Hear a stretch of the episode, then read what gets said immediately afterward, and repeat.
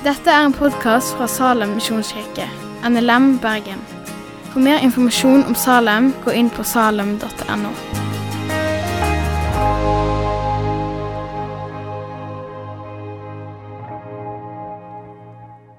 Vi skal starte med å lese søndagens tekst, som i dag er henta fra Lukasevangeliet i det første kapitlet, og fra vers 26.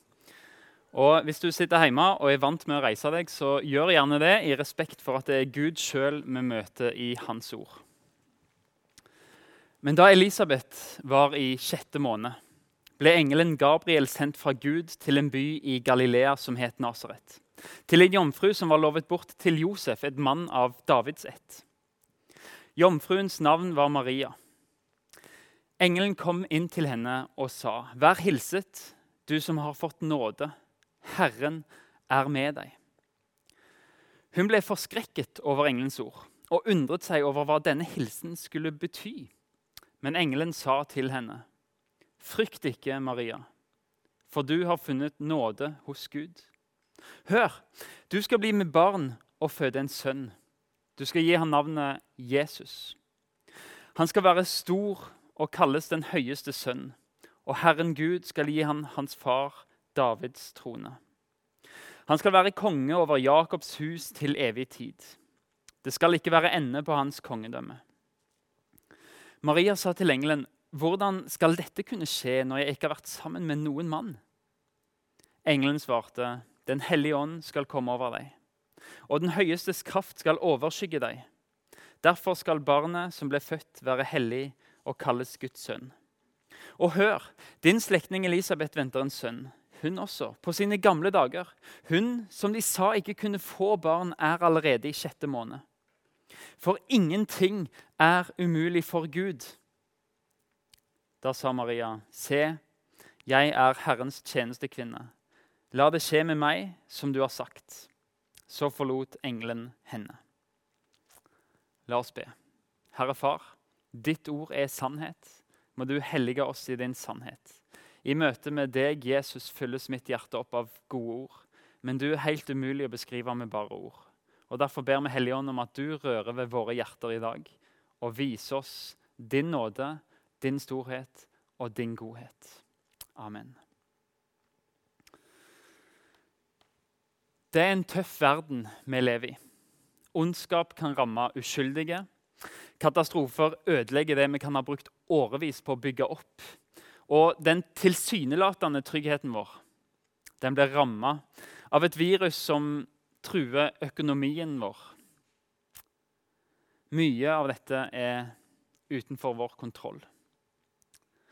Påstanden 'ingenting er umulig for Gud' det omfavner alt vi møter. Det er i denne allmektige Gud vi kristne finner vårt håp. Hvis Bibelen har rett, hvis Gud er allmektig, og hvis Gud er for oss, så er vi i trygge hender. Vi håper ikke på økonomien, på staten, på våre egne krefter, men på Gud. Salme 20, vers 8 står det noen stoler på vogner, noen på hester. Vi stoler på navnet til Herren, vår Gud. Ingenting er umulig for Gud. Selv om du ikke kan mye teologi, så forstår vi at det betyr at absolutt alt endrer seg for oss. Da kan Gud gjennomføre det han lover i sitt ord. Da har universet mening fordi det fins en skaper. Historien er på vei mot et mål som Gud har satt. Et underfullt mål, og du er på vei mot en evighet. Og Vi kan spørre oss ok, hvordan kommer vi dit. Men det er feil spørsmål. Bibelen lærer oss å stille spørsmålet hvem gir oss dette? Det er denne personen vi blir presentert for i dagens tekst, på Maria budskapsdag, der Maria får budskap om at hun skal bli mor til Jesus. Og vi blir presentert for Jesus Kristus gjennom engelen sin ord. Og Hvordan presenteres Jesus? Hva sier engelen? Jo, han skal være stor. Han skal kalles den høyeste sønn. I dette ligger det den mystiske sannheten om at den hellige Gud blir menneske i Jesus Kristus.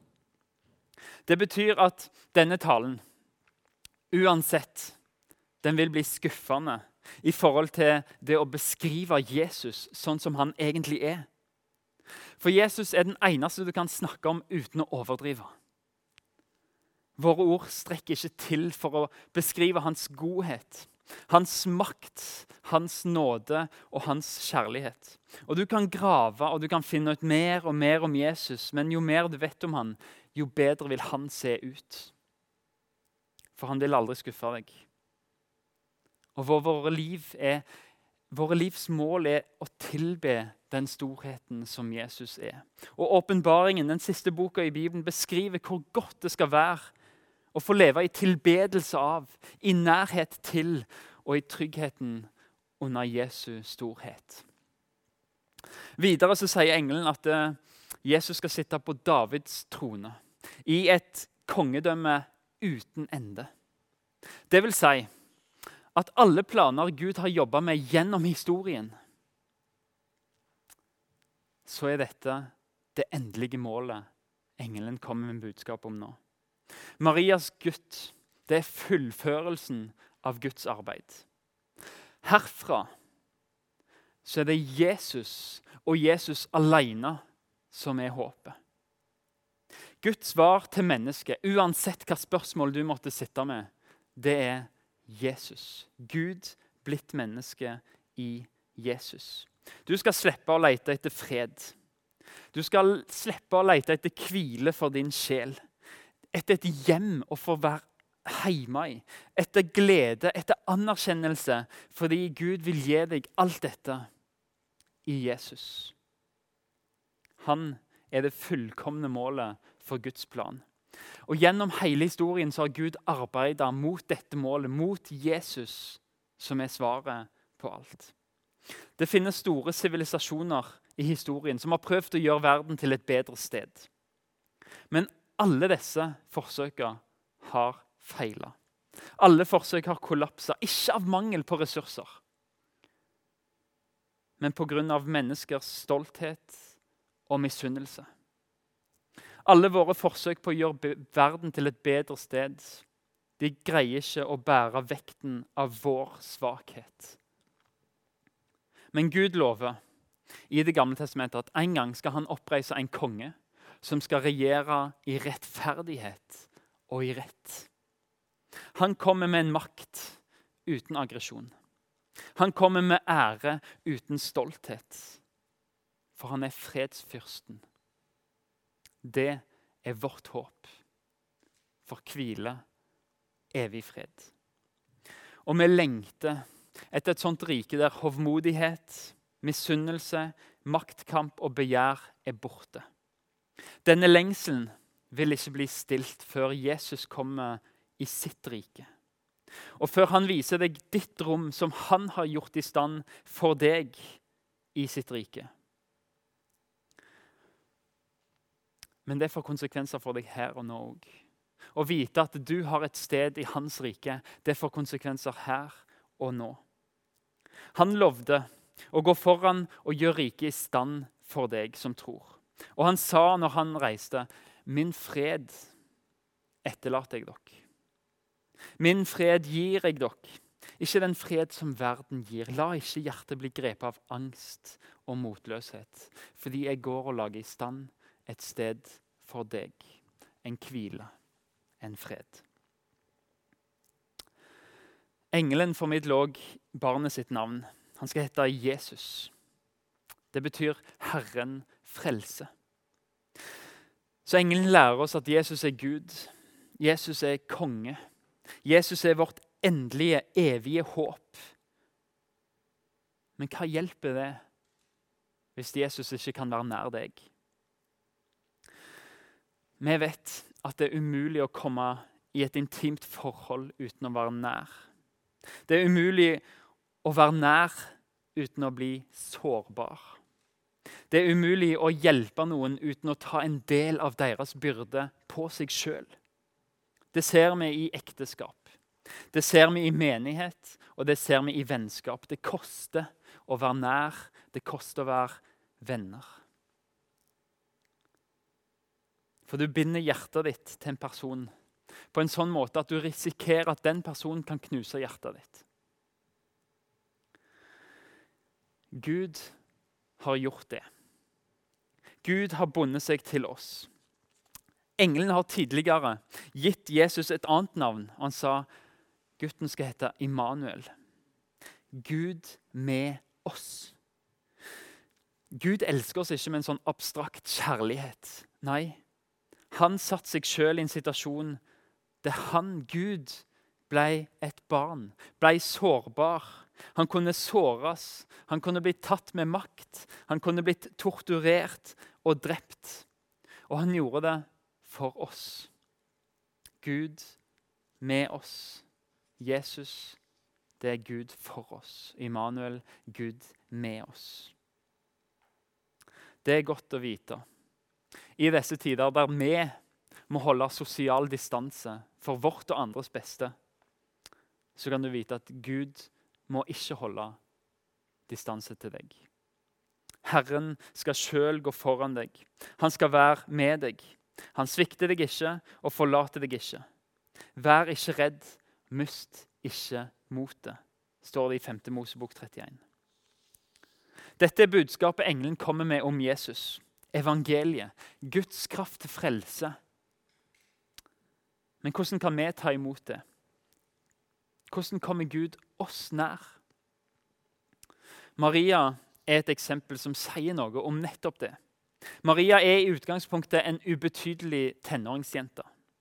Lukas må forklare hvor hun kommer fra. En by som heter Nasaret.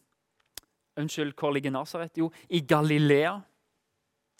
I Galilea det er ikke en populær plass. Jødene eh, tok anstøt. Jødene i Jerusalem tok anstøt når de hørte en dialekt fra Galilea. Og Byen er ikke nevnt i noen av datidens kjente jødiske skrift. Maria har en veldig dårlig CV å komme med. Det eneste positive som kan sies om Maria når engelen kommer, det er at Maria, du har funnet nåde hos Gud. Det er det eneste positive engelen hadde å si om Maria. Du har funnet nåde hos Gud. Men det snur alt opp ned. Det er det nåden gjør. Fra død til liv. Fra mørke til lys. Fra håpløshet til håp. Og fra meningsløshet til tilbedelse. Lukas tar sats. Når han skriver om nåden som Maria blir vist, så bruker han et ord som han bruker bare denne ene gangen i Lukasevangeliet og apostelgjerningene. Og Han bruker et ord som viser at Maria er overøst med nåde. Ufortjent og uventa sjenerøsitet. Og så sier engelen det får implikasjoner for Maria. Herren er med deg. Frykt ikke, Maria. Maria har funnet nåde for Gud. Derfor, Herren er med deg. Du trenger ikke frykte.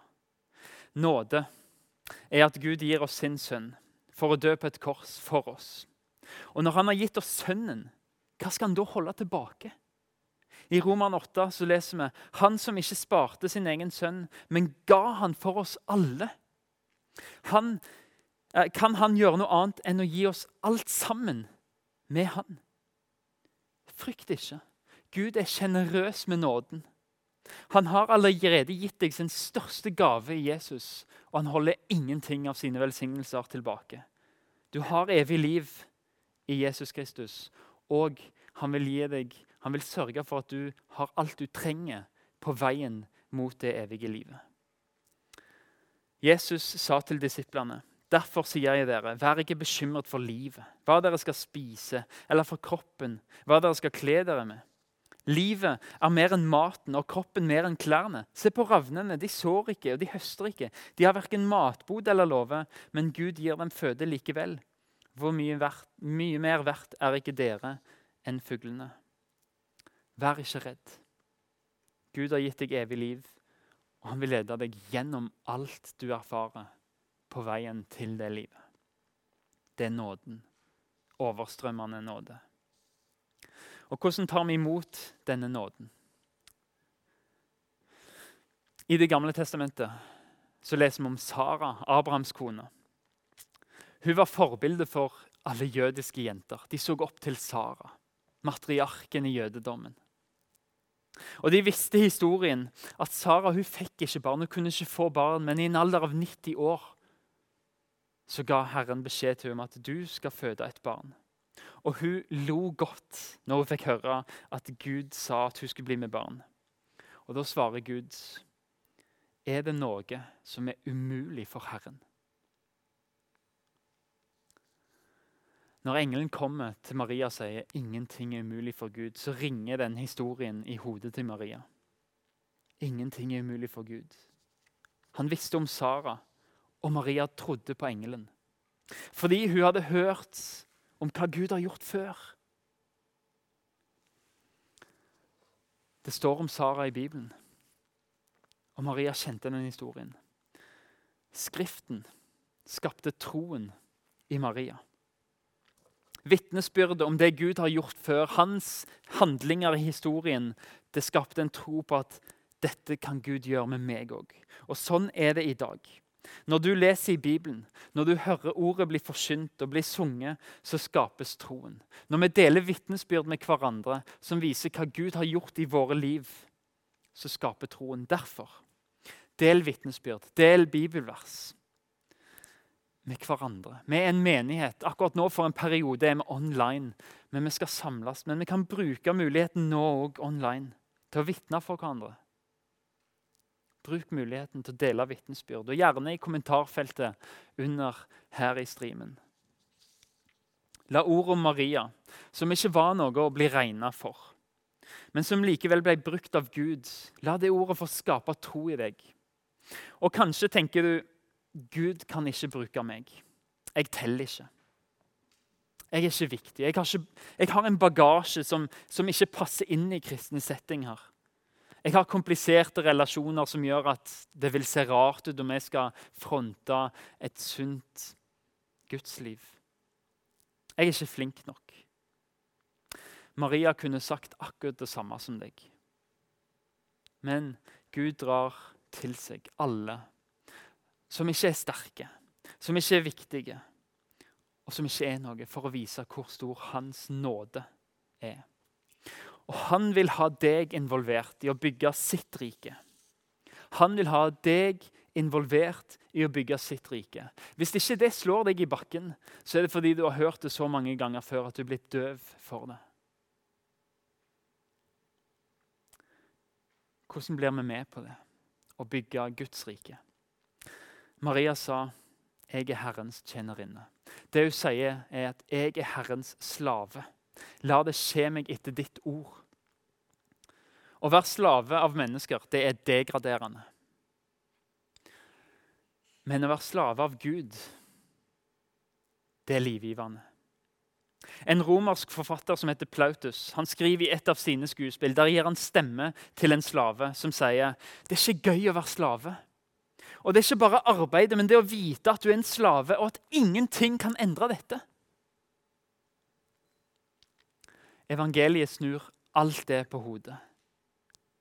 Og vi som er kristne, vi kan si jeg er Herrens slave. Og arbeidet, det er godt å være med på. Men jeg tilhører Guds hushold, og ingenting kan endre det. Jeg er kjøpt med Jesu blod. Jeg er ikke lenger min, min, egen. Jeg er kjøpt ut av slaveri av synd og inn i et slaveri under Gud som er livgivende. Og det er ingenting som kan skille meg fra hans forråd og hans kjærlighet og hans velsignelser. Det gir meg større trygghet og identitet enn hvis jeg skulle vært en konge. Heller Herrens slave enn verdens konge. Vi deltar i det Gud gjør, ikke av styrke ikke ved å være passive, ikke med å trekke oss bort, men fra vår aktive mottagelse av å si at 'jeg vil at Guds vilje skal styre mitt liv'. Det gir meg identitet som å tilhøre Guds hushold av være hans barn. Og For Maria kosta dette masse. Det kosta jo et rykte. Det å få barn utenfor ekteskapet det kunne være dødsstraff for det i jødedommen. Det kosta Maria mye å bære fram Jesus, men med Den hellige ånd så bærer du Kristus i ditt liv. Det koster å følge Jesus mot strømmen i dag. Og hva skal vi tenke når det koster å følge Jesus? Vi skal tenke på Maria, som var en av de store i vår historie. Hun ydmyka seg og la seg under Guds vilje, selv om det kosta. Hun gjorde det før hun visste hva Gud skulle gjøre i Jesus. Men vi vet. Vi vet at alt Maria gjorde for Gud, det gjorde Jesus i enda større grad for Maria. For Jesus ga avkall på sitt eget, tok på seg en tjenerskikkelse og ble mennesker lik. Da han sto fram som et menneske, fornedra han seg sjøl og ble lydig til døden, ja, døden på korset. Jesus fulgte Guds vilje om at alle mennesker skal bli frelst. Jesus fulgte den viljen inn i døden. Og han gjorde det for at du skulle få nåde. Og når du følger Jesus, og det koster noe for deg, så speiler det bare en liten del av hans overstrømmende nåde for deg. At han la ned sitt liv for deg. Det er nåden vår, og det er kraften vår til å tjene. Må Gud velsigne deg. Takk for at du har hørt på podkasten fra Salem, Bergen. I Salem vil vi vinne, bevare, utruste og sende, til Guds ære. Vi ønsker å se mennesker finne fellesskap, møte Jesus og bli disippelgjort her i Bergen og i resten av verden.